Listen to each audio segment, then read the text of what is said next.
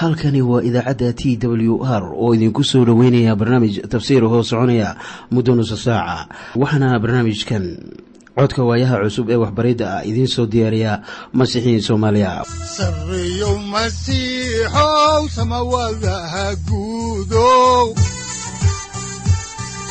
Siraadkii adduunkow subanaha eebow sareyow masiixow samawadaha guudow siraadkii adduunkow subanaha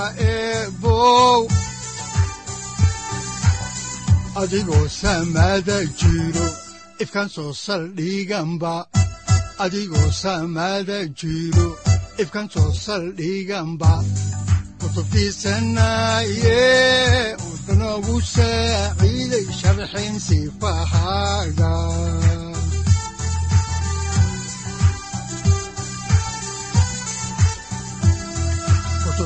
kutubtiisinayo ebanagu saaciid sharxin sifahaaga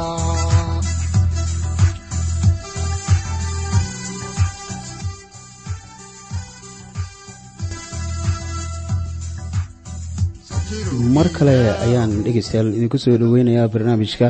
Waxaan horey idinku sii wadaynaa daraasaadka aynu ka soo xiganayno kitaabka quduuska ah ee aynu ugu magacdaranay dhexmarka kitaabka quduuska. Waxaan ku jirnay cutubka shan iyo soddonaad ee kitaabka baxniintii cutubkan waxa uu ka koobnaa dhowr mowduuc waxaana ugu horreeya kow mowduuca hoseeya maalinta sabtida. Labo sadaqada ikhtiyaarka ah ee qofku keenayo taambuugga. Saddex basaaleel iyo ahwali aab oo iyana loogu yeeray inay sameeyaan alaabta taambuugga. Balse intaynan idin bilaabin aynu wada dhegaysanno qhasiidadan soo socota oo ay inoogu luuqayaan culummo soomaaliya oo masiixiyiin ah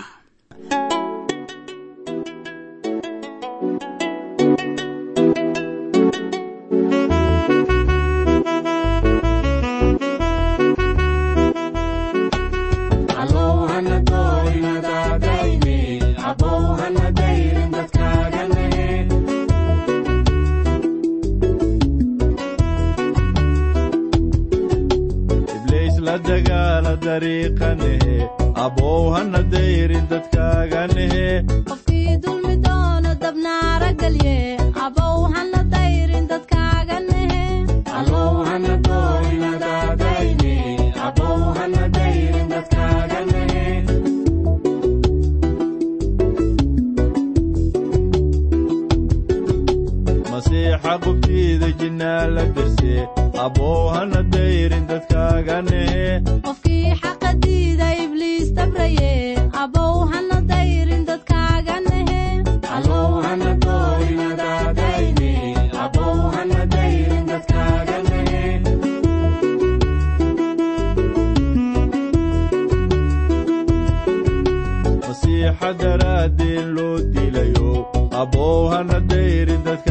dariiqi shayddaanka ka soo durugne abow hana dayrin dadkaaga nehe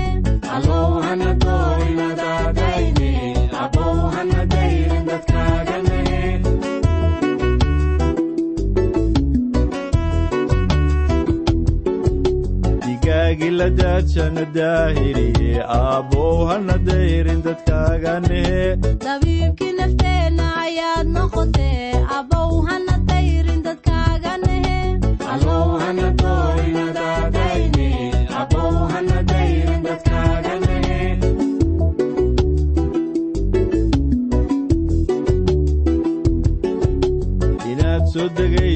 degaysaan diyaaru nehe abow hana dayrin dadkaaga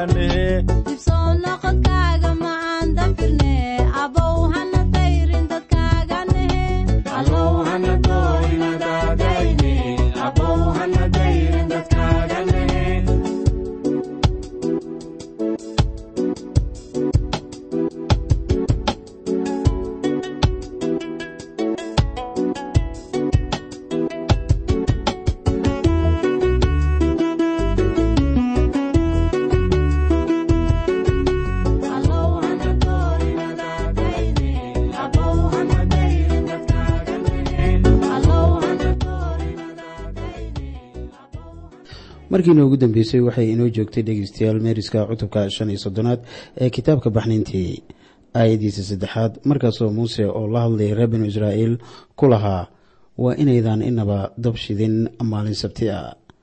Waxaana nidhi sharciga waxaa iska lahaa israa'iil oo keliya wuxuuna ku dhaqan gelayaa markii ay gaaraan dhulka israa'iil meelo dunideenna ah waxaa jira ay tahay in saacad waliba dab ku daaran yahay. Haddii kale qabow uu ku dilayo. Ha yeeshee tan la garanayo waxay ahayd in ilaah aanu siinin reer binu israa'iil dhul oo keliya laakiin waxa uu siiyey sharci. Dhulka lagu dhaqi lahaa ama lagu dhaqi doono oo sharciga iyo dhulku way isku xiran yihiin. Waxaana aan iminka soo gaarnay maadada kale ee ah sadaqada ikhtiyaarkaaga aada u baxsanayso ee taambuugga. Iminka waxaan guda gelaynaa meeriska cutubka shan iyo soddonaad aayadaha afar ilaa shan oo qeyb ka ah kitaabka baxniintii waxaana qoran sidatan oo muuse waxa uu la hadlay shirkii reer binu israa'iil oo dhan isaga oo leh waxanu waa wixii rabbigu idinku amray isaga oo leh idinku dhexdiinna waa inaad wax rabbiga isaga ururisaan mid kasta oo qalbigiisu raalli ka yahay ha keeno qurbaanka rabbiga kaasoo ah dahab iyo lacag iyo naxaas. Haddaba sadaqadaas la siinayo dhismaha macbudka ama taambuuggan idhaahdee waa mid ikhtiyaara qofna lagu khasbi maayo qofna lagu jujuubi maayo inuu wax bixiyo. Dadkana laga dooni maayo in ay wax soo ururiyaan wax dalab ah oo la hordhigay oo la leeyahay waa inaad lacag keentaanna ma jiro. Taasu ma ahan meel tobnaadka sharciga ah. Kani waa sadaqo ikhtiyaar ah oo qof waliba shaqsi ahaan uu wax ula baxayo. Waxaa kaloo ay ikhtiyaarkood u bixin karaan sheeyo kale oo aan ahayn dahab iyo maar iyo qalin. Sidaanu ku arkayno aayadaha soo socda sida ku qoran kitaabka baxniintii cutubka shan iyo soddonaad aayadaha lix ilaa sagaal oo leh iyo buluug iyo guduud iyo casaan iyo maro wanaagsan iyo dhago riyaad iyo wanan hargahood oo la caseeyey iyo adhidibadeed hargahood iyo qori quraca iyo saliid laambadda lagu shubo iyo udgoon lagu daro saliidda lagu subkado iyo foox udgoon iyo dhagaxyo oniko la yidhaahdo iyo dhagaxyo lagu dhejiyo eefoodka iyo laabgashiga. Haddaba waa shayada reer binu israa'iil iminka laga doonayo in ay ugu yaboohaan dhismaha taambuugga haddaba baryahaas way ka duwaneyd xaaladdu sida ay maanta tahay oo qandaraas lagu qaadan lahaa dhismaha waxa ay ahayd in wax la kala dooriyo oo kii subag haystaa uu soo iibsado naxaas iyo dahab iyo dhagxaan qaali ah oo kii dhagxaanta haystana uu si toosa ugu sadqeeyo macbudka marka reer binu israa'iil waxa ay haystaan ayay wax ku doorsanayaan. Mararka qaarkood waa la ogol yahay xitaa in aad wixii aad haysato ku tabarucdo howsha masiixa. Haddaba su'aasha khusaysa halka ay reer binu israa'iil dahabka iyo dhagxaanta qaaliga ah ka keeneen ayaa ilaa iyo maanta la isweydiinaya laakiin way iska caddahay oo markii ay soo tegayeen oo ilaah wax ku dhuftay masar ayaa ay soo rarteen waxyaabihii qaaliga ahaa ee reer masar oo ay afar boqol oo sano addoommo u ahaayeen. Taasina waxa ay ahayd mushaaharadooda. Ilaahna horey buu inuugu soo sheegay kitaabka bilowgii cutubka shan iyo tobnaad aayadda afar iyo tobnaad markaasoo uu lahaa waxa ay masar ka soo bixi doonaan iyaga oo maal badan wata. Haddaba way u riyaaqeen masriyiintu inay wixii ay hayeen siiyaan reer binu israa'iil si ay dalkooda marun uga baxaan. Haatana aynu baleegno maadada kale ee khusaysa basaleel iyo ahooli aab oo la siiyey hawsha xardhista iyo hagaajinta maacunta haddaan horey idiinku sii wado haddaba meeriska cutubka shan iyo soddonaad ayaanu hoos ugu dhaadhacaynaa aayadaha soddon ilaa koob iyo soddon waxaana qoran sida tan. Markaasaa waxaa muuse reer binu israa'iil ku yidhi bal ega rabbigu waxa uu magac ugu yeedhay basaleel oo ah ina uuri oo ah ina xuur oo qabiilkiisu yahay yahuuda oo waxa uu isaga ka buuxiyey ruuxii ilaah xagga xikmadda iyo waxgarashada iyo aqoonta iyo sancada cayn kasta. Ah basaleel waa kii ilaah doortay si uu u farsameeyo alaabta lagu isticmaalayo macbudka ilaah kuwaasoo ay munaasab ahayd in laga helo taambuugga ama macbudka. Haddaan horey idiinku sii wado haddaba kitaabka baxniintii ayaan iminkana idiin akhriyayaa iyadoo welibana hoos aynu u daadegayno cutubka shan iyo soddonaad aayadda afar iyo soddonaad waxaana qoran oo waxauu qalbigiisii geliyey inuu waxbaro isaga iyo ahooli aab oo ah ina axiisaamaag oo qabiilkiisuna ahaa daan ilaah baa basaleel siiyey xikmadda uu ku gudbiyo wixii ilaah baray oo uu u callimiyo kuwo kale weli waxaanu horay idiinku sii wadaynaa haddaba meeriska cutubka shan iyo soddonaad waxaana aan idiin akhriyayaa aayadda shan iyo soddonaad oo waxaa qoran oo iyaga waxa uu qalbigooda ka buuxiyey xikmad in ay ka shaqeeyaan shuqul cayn kasta ah oo ay qabtaan kuwa waxardha iyo kuwa waxhindisa iyo kuwa daabac ku tola buluug iyo guduud iyo casaan iyo maro wanaagsan iyo kuwa dharka sameeya xataa ha ahaadeen kuwa shuqul kasta qabta iyo kuwa shuqul yaab leh hindisa saaxiibayaal tambuugga ama teendhada shirka waxa ay noqonaysaa wax qurux badan oo la mid ah sida jawharad cidlada ka iftiimaysa. Ma ahan wax weynan badan iyo dhismo bakhaaro la moodo waase dhismo yar oo macduun ah. Mar la qiyaasay haddaba qiimaha ku baxay ayaa waxaa la ogaaday in ay gaarayso ilaa iyo shan milyan oo doolar markii la qiimeeyey dahabkii iyo maartii iyo dhagxaantii qaaliga ahayd ee la isticmaalay. Taambuugga ilaah waxa uu ahaa mid qiimo weyn leh oo matalaya masiixa xagga quruxda iyo sharafta iyo ammaanta iyo haybadda haddaba aayadda shan iyo soddonaad ayaa u dambeysay haddaba meeriska cutubkii shan iyo soddonaad waxaana aan si dawaaliya idinku bilaabaynaa dhegaystayaal cutubka lix iyo soddonaad ee kitaabka baxniintii mowduuca cutubkan soddon iyo lixaad ama lix iyo soddonaad uu ka kooban yahay wuu badan yahay. Waxaana ugu horreeya in wax loo bixiyo shuqulka waxaana la xakameeyey docka yeernimada dadka ama inay noqdaan jiinigaa furan samaynta daahyada ilxidhka iyo qabsatooyinka albaabada taambuugga waxaana ugu horreeya dhismaha taambuugga cutubkan waxa uu dib ugu noqonaya haddaba taambuugga horeyna waxaanu u soo aragnay sida loo dhisayo iminkana dhismihii ayaa bilaabanaya waxaana la raacayaa qaacidada dhismaha oo waa khasab sida qaacidada iyo khariidada dhismaha loo raacayo in la ogaado. Waayo waxa uu sawir cad ka bixinayaa dhismaha sawirka ciise masiix haddaan markii ugu horreysay idiin bilaabo haddaba meeriska cutubka lix soddonaad ayaa waxaa qorninka quduuska ay leeyahay sida ku qoran aayadda koowaad oo leh oo basaleel iyo ahooli aab iyo nin kasta oo xigmad leh oo rabbigu geliyey xigmadda iyo waxgarasho ay ku gartaan si loo sameeyo shuqul kasta oo ah adeegidda laga qabanayo taambuugga. Meesha quduuska ah waa in ay u qabtaan sidii rabbigu ku amray oo dhan. Haddaba xubin walba ee ka mid a shaqaalaha oo sida abbaarta ah rag badan ka koobnaa ayaa bilaabay dhismaha taambuugga iyaga oo leh xigmad iyo waxgarasho ilaah siiyey waxaana hogaamiye u ahaa basaleel haddaan horey idiinku sii wado meeriska ayaan idin akhriyayaa cutubka lix iyo soddonaad aayadda labaad ee kitaabka baxnayntii. Waxaana qoran sida tan markaasaa muuse waxa uu u yeeray basaleel iyo aholi aab iyo nin kasta oo xigmad leh oo rabbigu qalbigiisa xigmad geliyey xataa mid kasta oo qalbigiisu kiciyey inuu yimaado oo uu shuqul qabto. Ha yeeshee hal shay ayaa muhiima taasoo ay tahay in aad qidcadan ka garataan. Waayo waxa ay asaas u tahay howsha loo wado sayidka haddii aad ilaah u adeegayso adiga oo gunuunucaya waxaa kuu wanaagsan inaadan shaqadaas qabanin. Ilaah ma jeclaa qofka mar waliba qabashada howshiisa ka gunuunuca ama ka guryama. Ragga howsha samaynaya oo xardhaya maacuunta taambuugga loo isticmaalayo oo ka soo saaraya wax qurux badan ayaan samaynaynin shaqo iyagu ay iska leeyihiin. Laakiin waxa ay samaynayaan howsha ilaah. Maahan in ay shaqada u samaynayaan inay qadar saacado ah konturaad ku qaateen. Dabadeetana shaqadu ay soo dhammaato. Ilaah shaqadiisa waa mid joogto ah. Intii aada nooshahay hawsha xardhistana waa mid ay soo barteen waana in ay sameeyaan oo ay qabtaan hawshaas.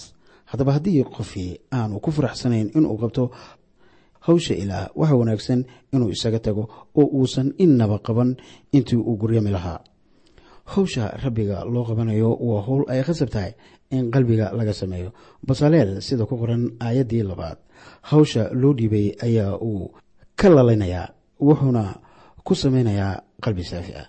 Haddii qof waliba siin lahaa mudnaanta koowaad hawsha masiixa oo qofkii jecel inuu fiirsado filmo ama riwaayado ama daawado kubad ay ciyaarayso kooxdiisu haddana uu yidhaahdo maya shaqo aan ilaah u sameynayo ayaa jirta marka game iyo wax u eg iyo wax la mid a u dayici maayo howsha ilaah. Miyaanay noqoteen haddaba in kiniisaddu noqoto hurmood duniduna ay la yaabto oo tiraahdo war waa maxay dadkan aan hiwaayadda lahayn. Welibana markaan wax waliba dartiis u diidno waan ku faraxsanaanaynaa isaga oo waxaana la doonayaa in dadku inaga arkaan farxad. Maahan in aan noqonno dad qabiid ah oo ay la tahay inay ilaah howl u hayaan sababtaas aawadeed ay noqdaan dad mar waliba xanaaqsan. Waa inaan ilaah aawadiis u faraxsanano bawlos oo ka hadlaya ahmiyadda farxadda howshu leedahay ayaa waxa uu leeyahay sida ku qoran warqadii koowaad ee reer korintos cutubka sagaalaad aayadda lix iyo tobanaadoo leh haddaanan ku wacdiin injiilka inkaari igu dhacdo. Taa waxay ku tusaysaa sida uu ugu faraxsanaa inuu had iyo goorba ku wacdiyo injiilka masiixa. Bawlos waxa uu had iyo goorba aada u jeclaa inuu wacdiyo injiilka. Haddii howsha sida ay tahay loo sameeyo oo lala yimaado niyad wanaagsan xitaa haddii cadaadiska ka horjeedaa aada u wen yahay guusha adiga ayaa ay kugu dambeynaysaa waad la socotaa markii xaakinka la oran jiray gidcoon la dagaalamayay reer midyaan wixii kala raacay.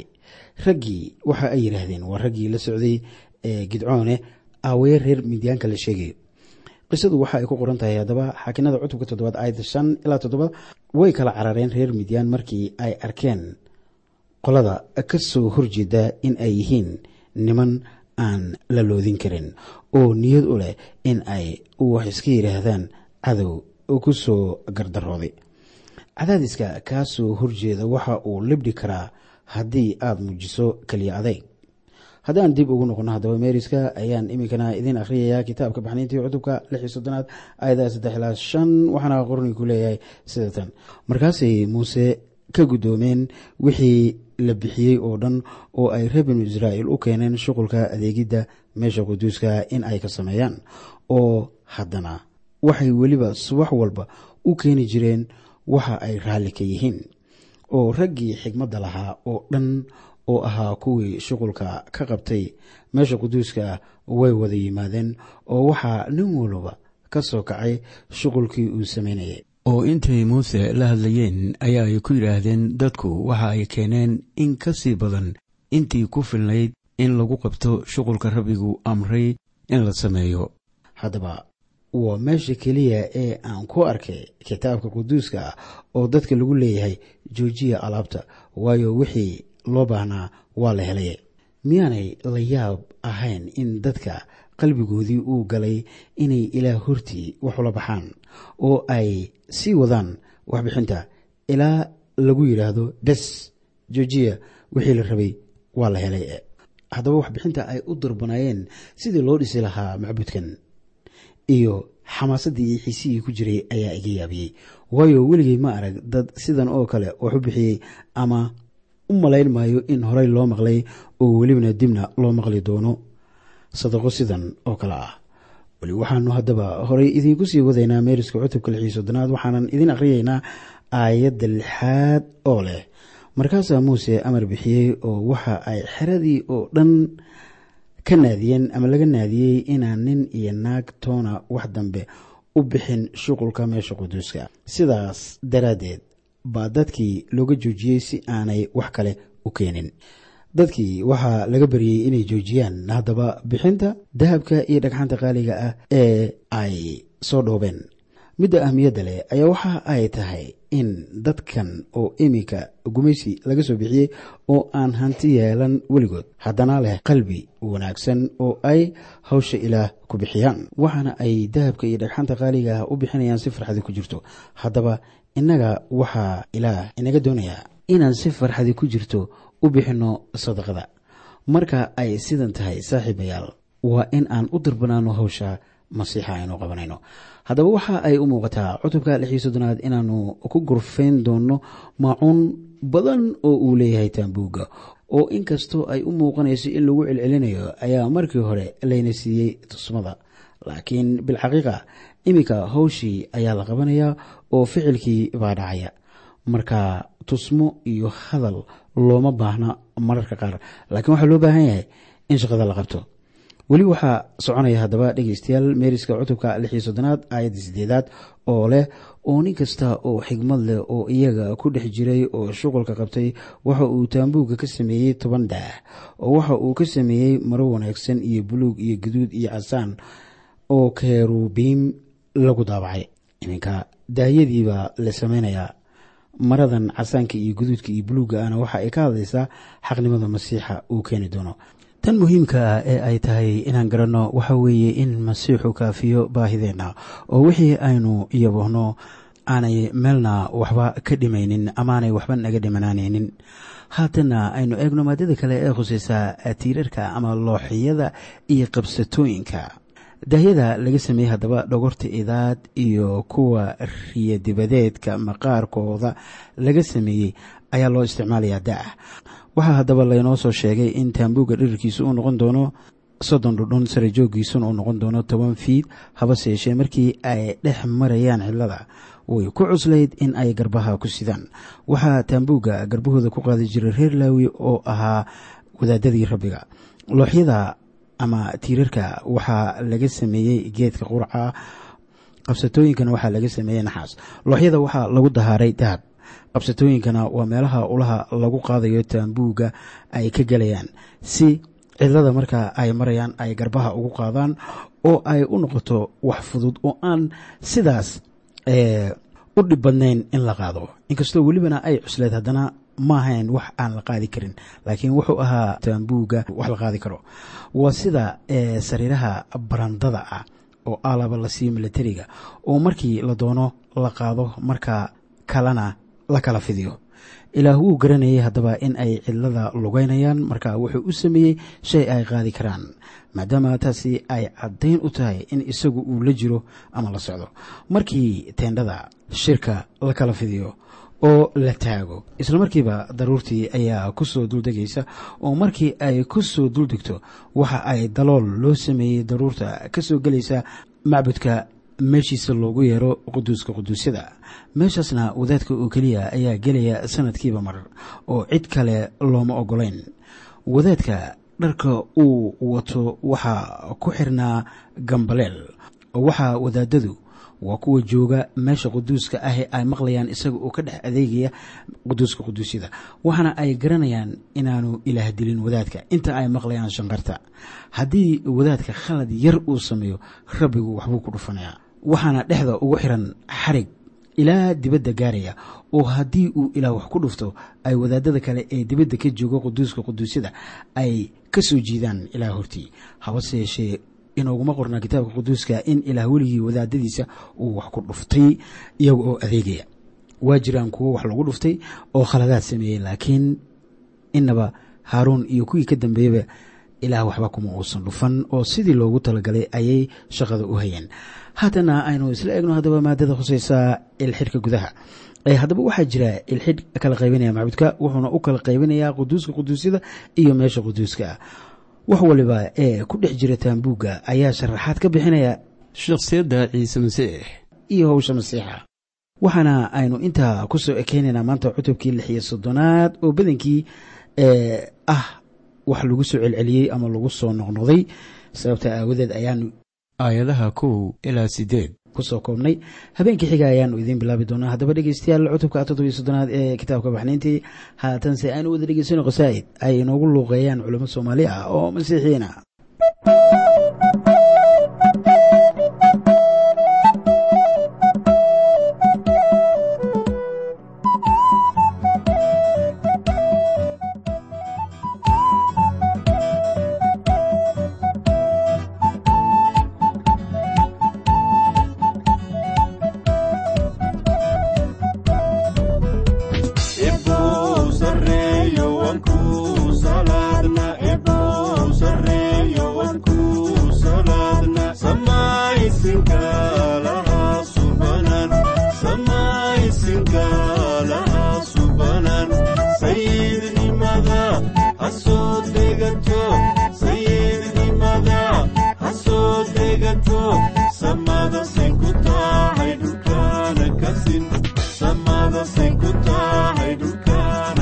sin nasiicuno iyo waxaan cabnaba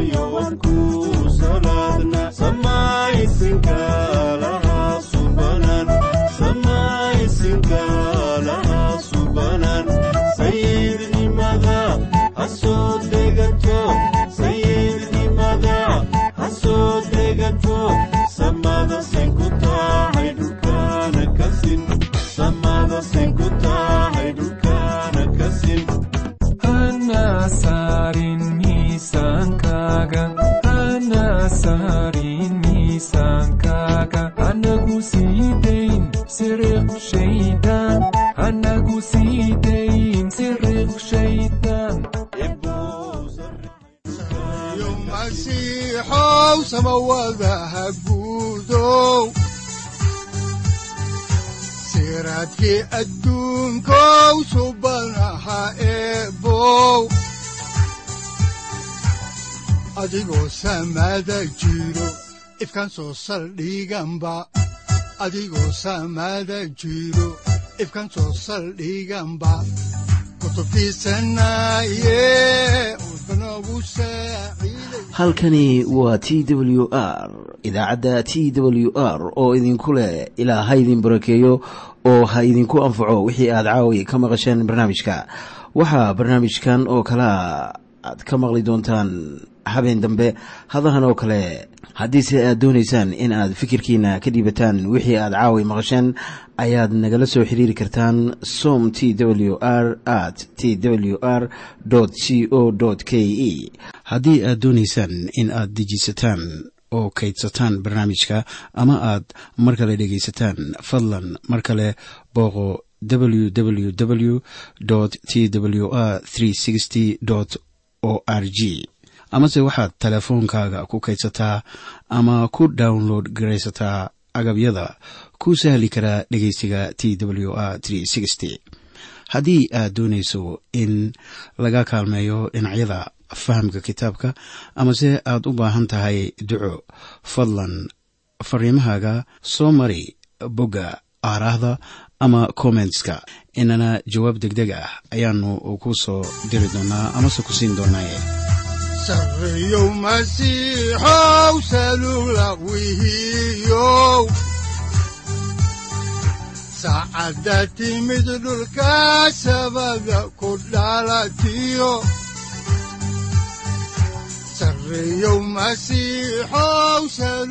halkani waa t w r oo idiin rajaynaya habeen baraare iyo barwaaqaba leh inta aynu ka gaari doono wakhti aynu ku kulanno barnaamij la mida kan caawayay aad maqasheen. Waxa aan idinku leeyahay nabadda ciise masiix ha idinku badato xagga jirka iyo ruuxaba. Aamiin